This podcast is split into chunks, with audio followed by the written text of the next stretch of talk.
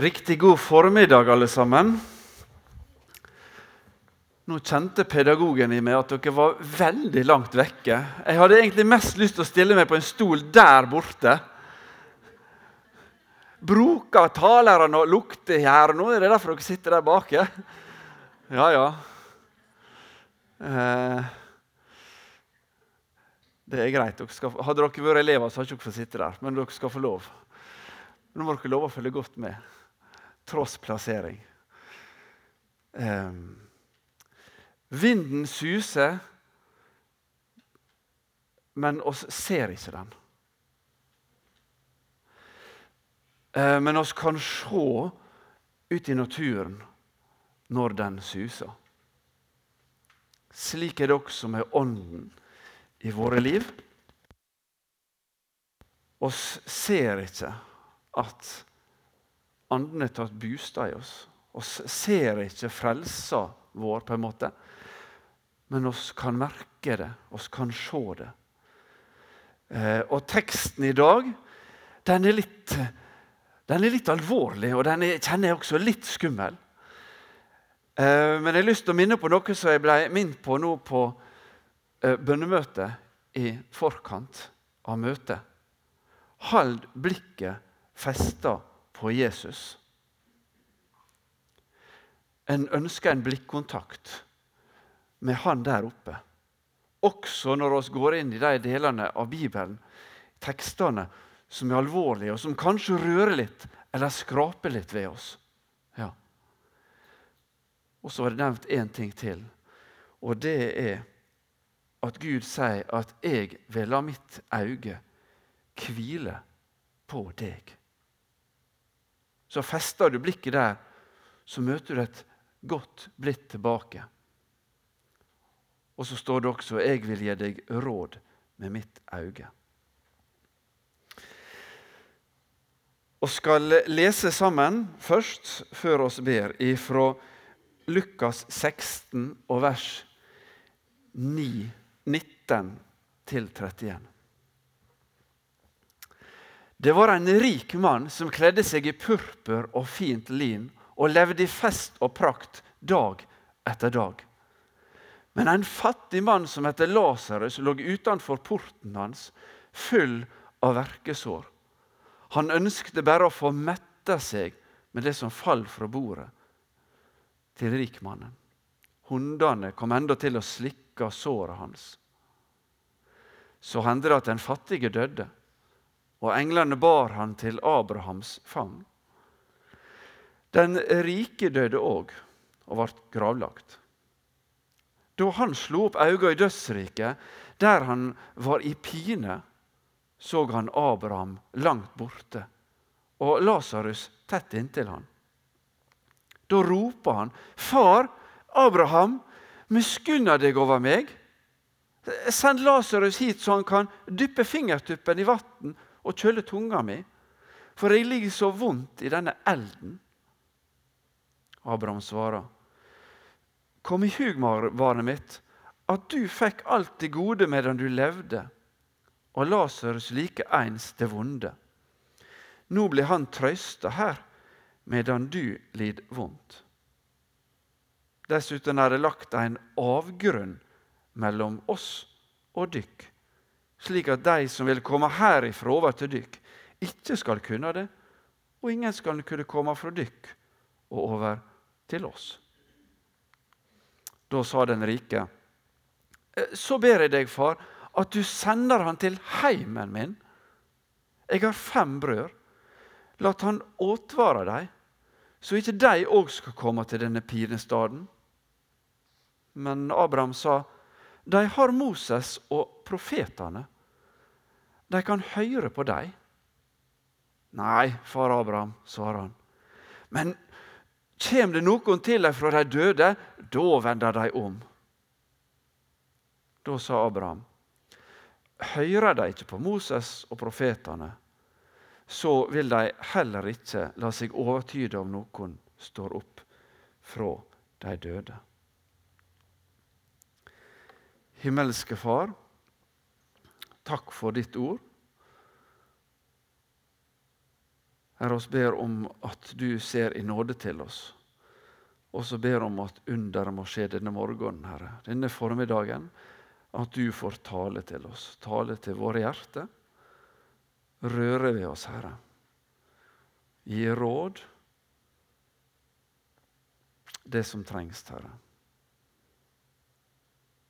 Hellige oss, Herre, i sanninga. Ditt ord er sanning.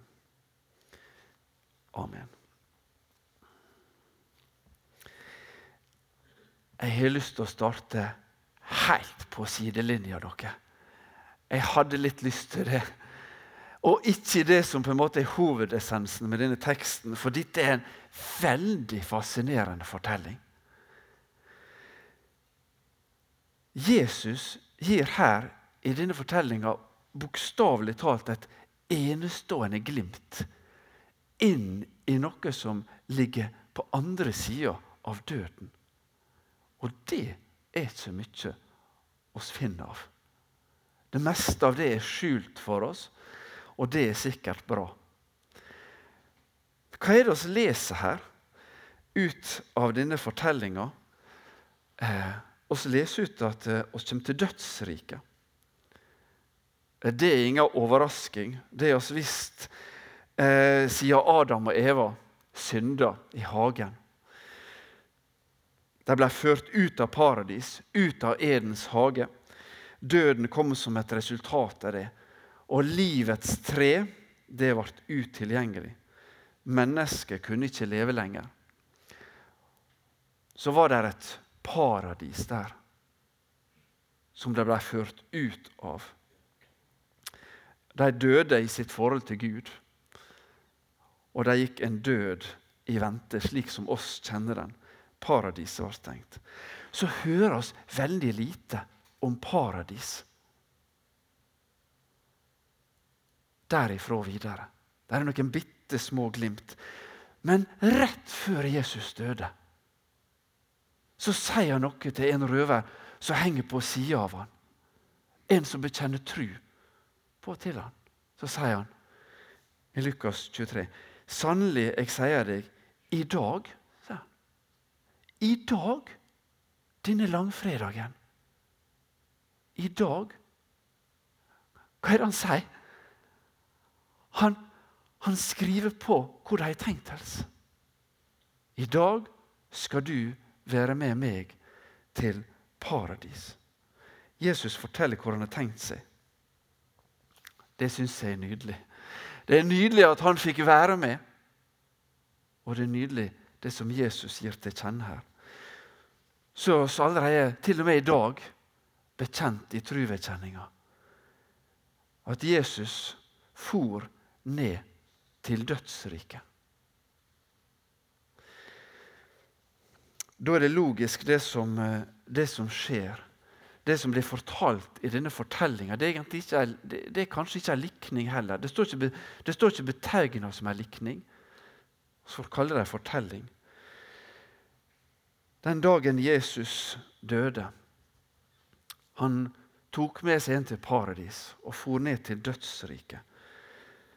Paradis, der den ene røveren på korset fikk være med, dit Lasarus ankom og Abraham var å finne.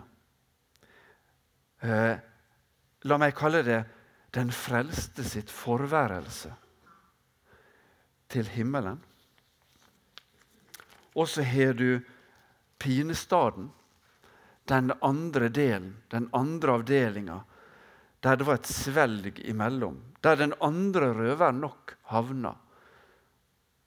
Iallfall om oss ikke får vite mer om han enn det som står. Der den rike mannen i likninga havna den ufrelste sitt forværelse til fortapelsen. Så skriver Peter om at Jesus i disse dagene forkynte for åndene som var i fangenskap. Du, der er mange som var døde før Jesus døde. Men de døde i trua i håp og i forventning om Han som skulle komme. De ble berga. De ble berga. så kunne vi snakke om nøkler, om dødsrikets porter i flertall. Det er veldig spennende. Om hvordan, hvordan døden ikke skulle få makt over menigheten som oss er en del av. Vi kunne snakke om Peter og disiplene. Står at de fikk nøkler til himmelriket. Det Hele evangeliet, hele nåden, blir fortalt gjennom noen nøkkelknipp. egentlig. Men det var ikke tema i dag, og nå har jeg spora nok av dere. for nå skal vi inn på teksten og det som var, det som var poenget med den. Men jeg syns det var vanskelig å unngå at Jesus faktisk åpner opp og gir et glimt inn i noe. Hvor bokstavelig det skal tolkes og ikke, det kan diskuteres. Men Jesus var sannferdig iallfall når han fortalte. La oss gå inn i fortellinga med liv og lyst og se hva Gud har lagt ned i denne for oss denne formiddagen. La oss prøve å se hva som står der, men la oss også prøve å se hva som ikke står der. Først litt om sammenhengen. Jesus hadde hatt mange samtaler med det religiøse og det politiske eh, maktapparatet. Ja, lederne på den tida. Det var rådsherrer, det var fariseere, sadukeere. De hadde litt ymse type makt i samfunnet. Og han registrerte at det var en del utfordringer. Og en av de utfordringene som de hadde, det var knytta til rikdommen deres. Så underviste Jesus disiplene sine. Og det var nok flere som hørte. Kanskje var det en og annen fariseer også eller rådsherre som sto og lytta. Men det står iallfall at Jesus snakka med disiplene sine og prøvde å lære dem. Og I kapittelet før der skriver han om frelsa. Han skriver om den ene sauen som var bortkommen og ble funnet. Han skriver om den ene sølvmynten som ble leita opp og funnet. Og han skriver om den bortkomne sønnen som ble attfunnet, som kom igjen. Det er nydelig skrevet om frelse. og Konklusjonen er at Gud er på leit etter oss. Om vi bruker de samme ordene som i stad han ser etter det. Han ser etter det. Det er en god Gud, og han vil oss godt. Og det er en voldsom rikdom å få kjenne Gud og være kjent av Han. Der ligger vår rikdom. Det er en åpen himmel over livet. Større kan ikke det bli. Og evigheten er i vente. Så går han videre i kapittel 16. Og Da er det akkurat så han tar for seg en av snublesteinene våre. En av de steinene det er lettest å dribbe på i vår hverdag og i våre liv. Og Det er den det handler litt om i dag. Eh, han, det er egentlig en slags eksempelfortelling om syndefallet. Det som holder oss på avstand, kan holde oss på avstand ifra Gud. Og han går rett til kjerna av problemet. Og det er enkelt sagt at vi setter oss sjøl først. Ja, har du en og annen gang i livet kjent på det? at det, det ligger deg litt nærme i din natur å sette deg sjøl først? Jeg håper du svarer ja. Hvis ikke har du kommet så langt i opplevelsen og forståelsen av deg sjøl som menneske. Ja. Og som foreldre så ser du det for barna at de er bitte små. «Er meg, ei. Ja, Men dette følger oss hele, gjennom hele livet. Det følger oss hele tida fordi vi er en del av syndefallet.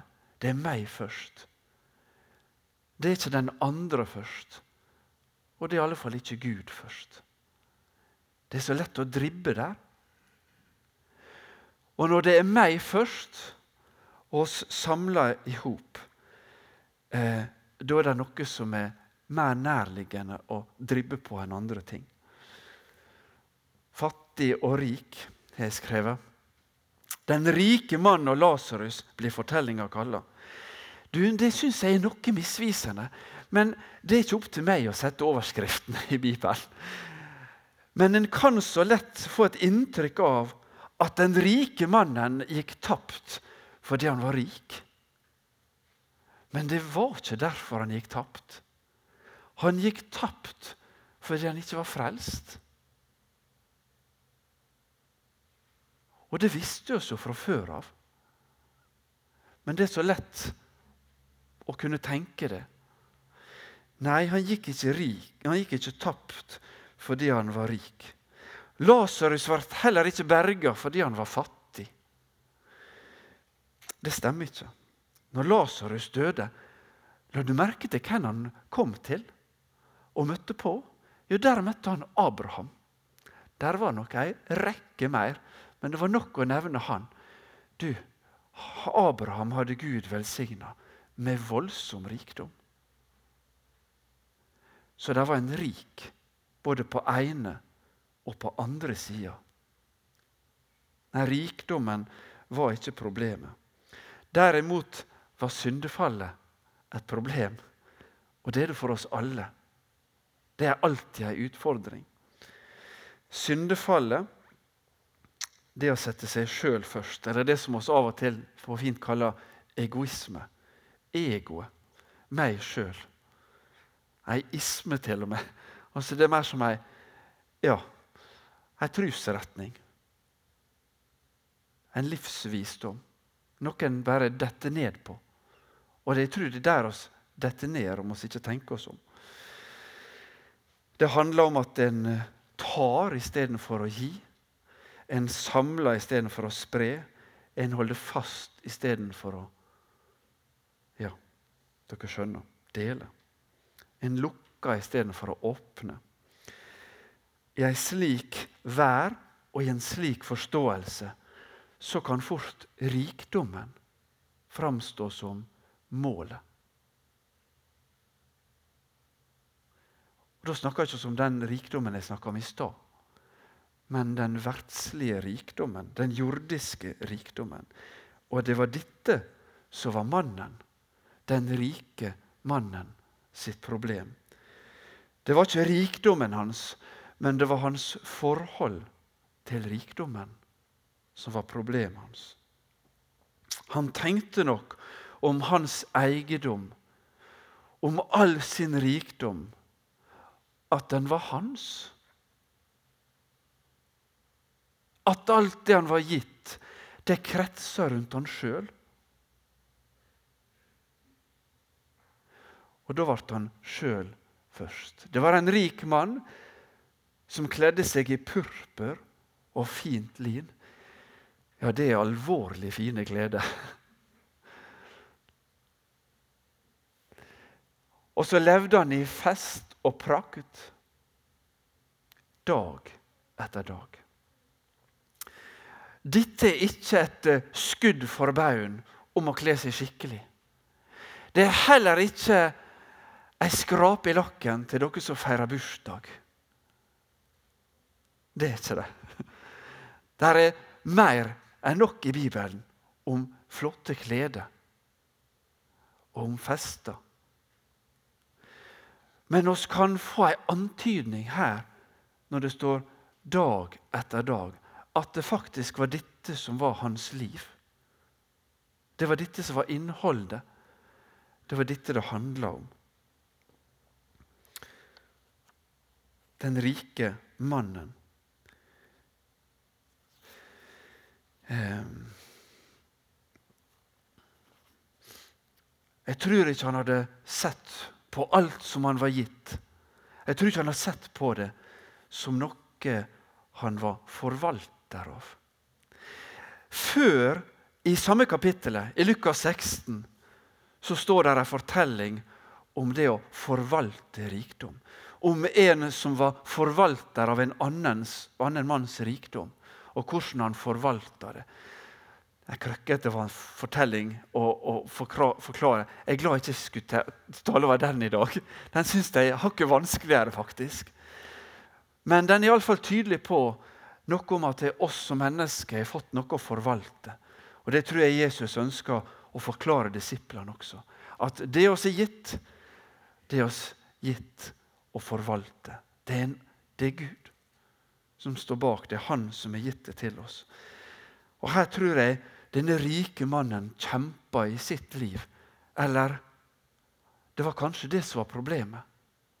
At han aldri har kommet dit at han kjempa den kampen. For dere, dette er en kamp. Og det er ikke en kamp som vi blir ferdig med i livet. Det er Gud og mammon. Og er ikke, det er ikke nytt, det her. Eh, Kain og Abel. Kain som ga til Gud av sin grøde. Og så kom Abel og gav av sin første grøde.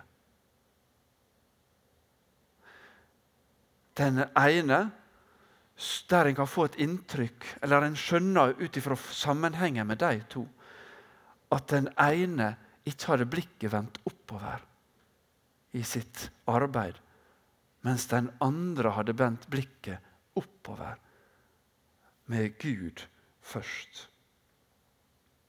Så står det om dem når eh, Kain ble irritert på Gud. Han skjønte at Gud ikke mottok det eller responderte på det han har fått. Se, det som står der. Dersom du vil gjøre det gode, sier han til Kain, kan du se opp. Er ikke det nydelig sagt? Se opp, han. Men om du ikke vil det gode, så ligger synda klar ved døra. Hun ønsker makt over deg, men du skal herske over henne. Gud først ble han utfordra på. Gud først. Ehm. I en av andre tekstene som sto for denne dagen, der står det sånn Om det er en fattig blant landsmennene dine i en av byene i det landet som Herren din Gud vil gi deg, da skal du ikke være hardhjerta og ikke late at handa for den fattige bror din. Nei, du skal åpne handa di for han og låne han alt det han trenger. Gi han villig, og ha ingen vonde tanker i hjertet når du gjev. Da skal Herren din Gud velsigne deg i alt ditt arbeid og alt du gjør med hendene dine. Ser du hendene i denne teksten? Ser du at de er nevnt to plasser? Dette kunne vært talt til om den rike mannen. Kanskje noen kunne ha kakka på døra hans før han døde, og minne han på det der. Men han hadde jo ikke lest Moses og profetene. Han var ikke opptatt av å lese Moses og profetene. Og da kunne han heller ikke få gripe det som står der. ikke sant? Men oss kan få lese Moses og profetene. Vi kan få lese hele Skrifta, og så ser oss om det er en fattig blant landsmennene dine. Du, den rike mannen hadde Lasarus utfor døra. Han hadde han rett utfor døra. Er det mulig? å vase seg gjennom hele livet og ikke oppdaga denne mannen som lå på utsida. Ja, det er faktisk mulig.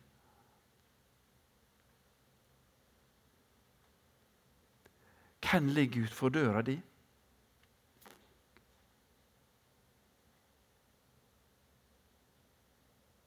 Hvem ligger utenfor døra mi? om det er en fattig blant landsmennene dine, i en av byene i det landet som Herren din Gud vil gi deg. Hvem er deg gitt som er fattig? Hvem kan du få åpne handa di til?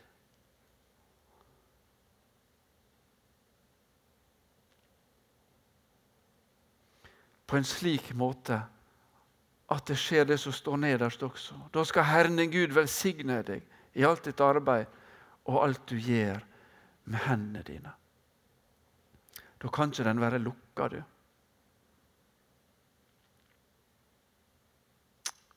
Den må være åpen.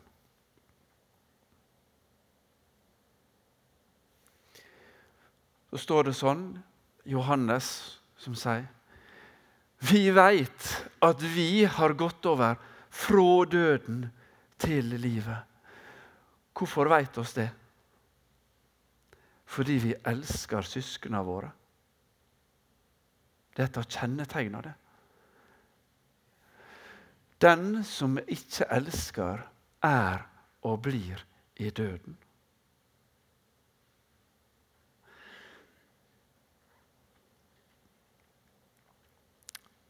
Så må vi feste blikket på Frelseren.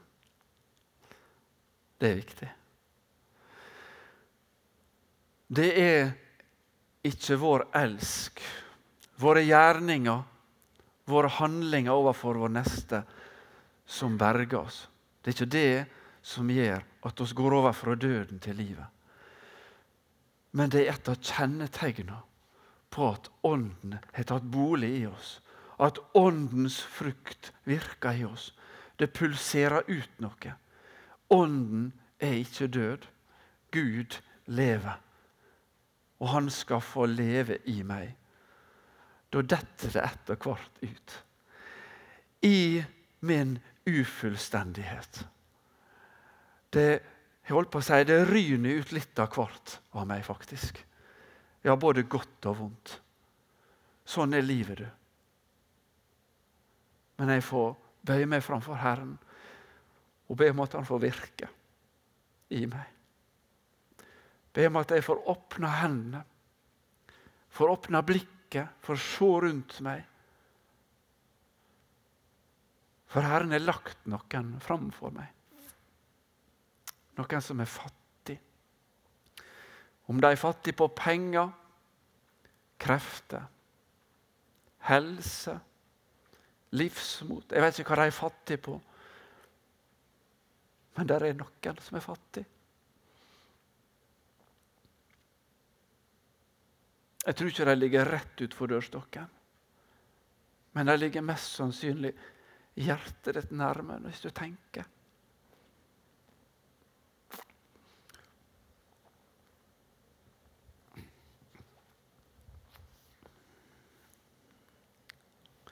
Til slutt vil den rike mannen at Lasarus skal returnere fra dødsriket, faktisk. Han ønsker at Lasarus skal returnere fra der han er, til jorda og forteller brødrene hans, som fortsatt lever, om denne pinestaden.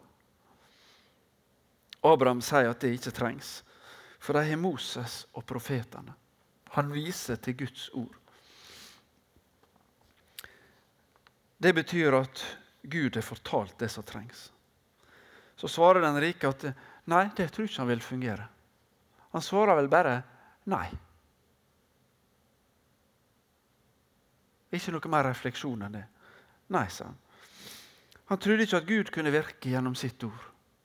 Han trodde ikke at det som var talt gjennom Moses og profetene, det som var gitt av Herren, skulle virke på noe vis. Og Det er jo nok et kjennetegn og en forklaring på hvorfor han havna der han hadde havna.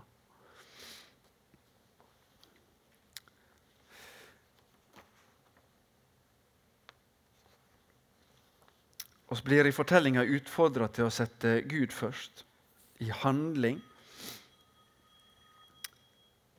Ved å elske vår neste. Hvordan ser det ut i vårt liv? Hvordan ser det ut i mitt hjerte og i ditt hjerte? Hvor er oss satt vår rikdom? Eh, den som har øre, den hører. Tenkte på én ting. Tienden. Taler en av og til om den? Det skulle jeg sikkert snakka med min svoger om. Det er han som taler mest her. Han har sikkert oversikt, men det har jeg ikke spurt han om. Eh, hva er tienden for noe? Jo, for den rører litt ved vår jordiske rikdom. Og Det er et prinsipp som Bibelen taler om, som er lagt ned i forhold til Gud først. Og dette med Gud først det finnes igjen flere plasser i, i Skriften. Er det å, å gi av førstegrøden. Der blir det snakk om den førstefødte. Og Det er et prinsipp som vi finner igjen mange plasser. Vi finner det også igjen i vårt samfunn. Har dere tenkt på skattepolitikken i Norge som noe kristelig? Ja, der er et snev av noe kristelig over det. Har du tenkt på det? Jeg, når jeg har tjent min lønn, før jeg får den, så er det en god del som forsvinner ut først.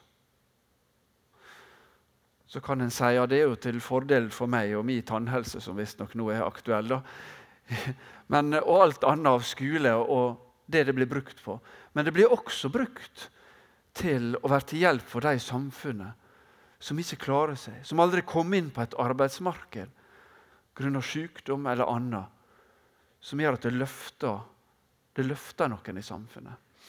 Jeg skal ikke kristeliggjøre skattepolitikken mer enn det. Men poenget med at det er noe som går ut først. Fordi at det, det er i utgangspunktet ikke mitt. Gud først. Eh, noen av dere er kanskje i en sånn alder at dere husker hva som var første fag på timeplanen hver dag. For Før så var det kristendom som var først på timeplanen hver dag. Det har jeg sett flere sånne gamle timeplaner. som er.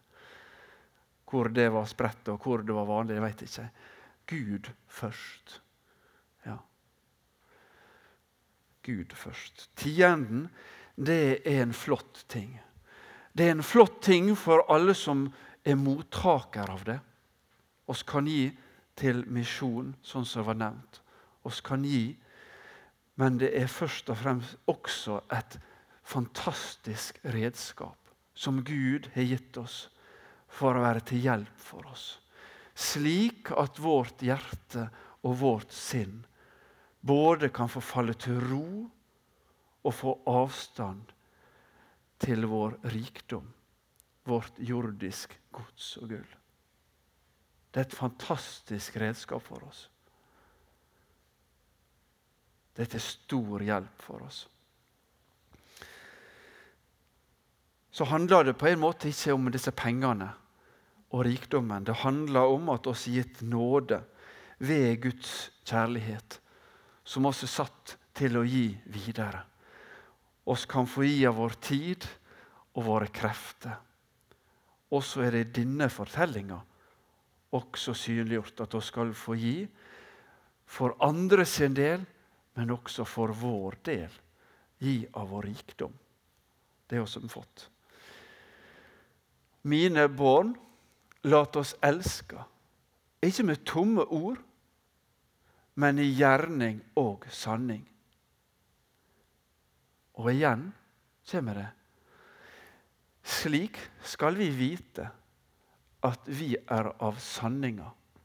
Og så skal vi roe vårt hjerte for Hans andlet.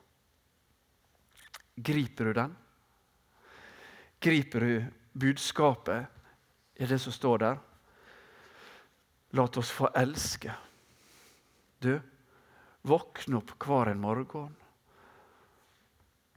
og så løfter du blikket oppover. Du skal få slippe å se ned. For du møter en god, barmhjertig Gud. Og så taler du med han, og så spør du med stor forventning hvem kan jeg få åpne armene for denne dagen? Og hva som kommer ut, om det er penger, om det er tid eller annet. Ja, Det får være opp til Herren å bestemme. Det finner dere noe ut av. Men der ligger en fantastisk mulighet i å få leve gudslivet hver dag.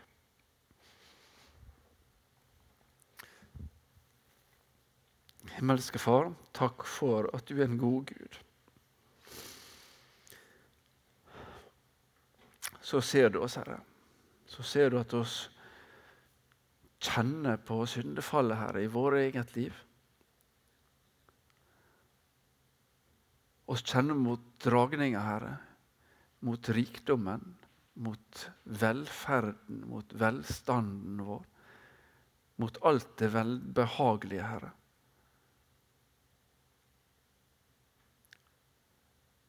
Herre, lær oss å åpne opp vårt hjerte og vårt sinn når du taler, og la det få bli til åpning i ord og gjerning, Herre, i møte med vår neste. Ransak oss, Herre, og kjenn vårt hjerte.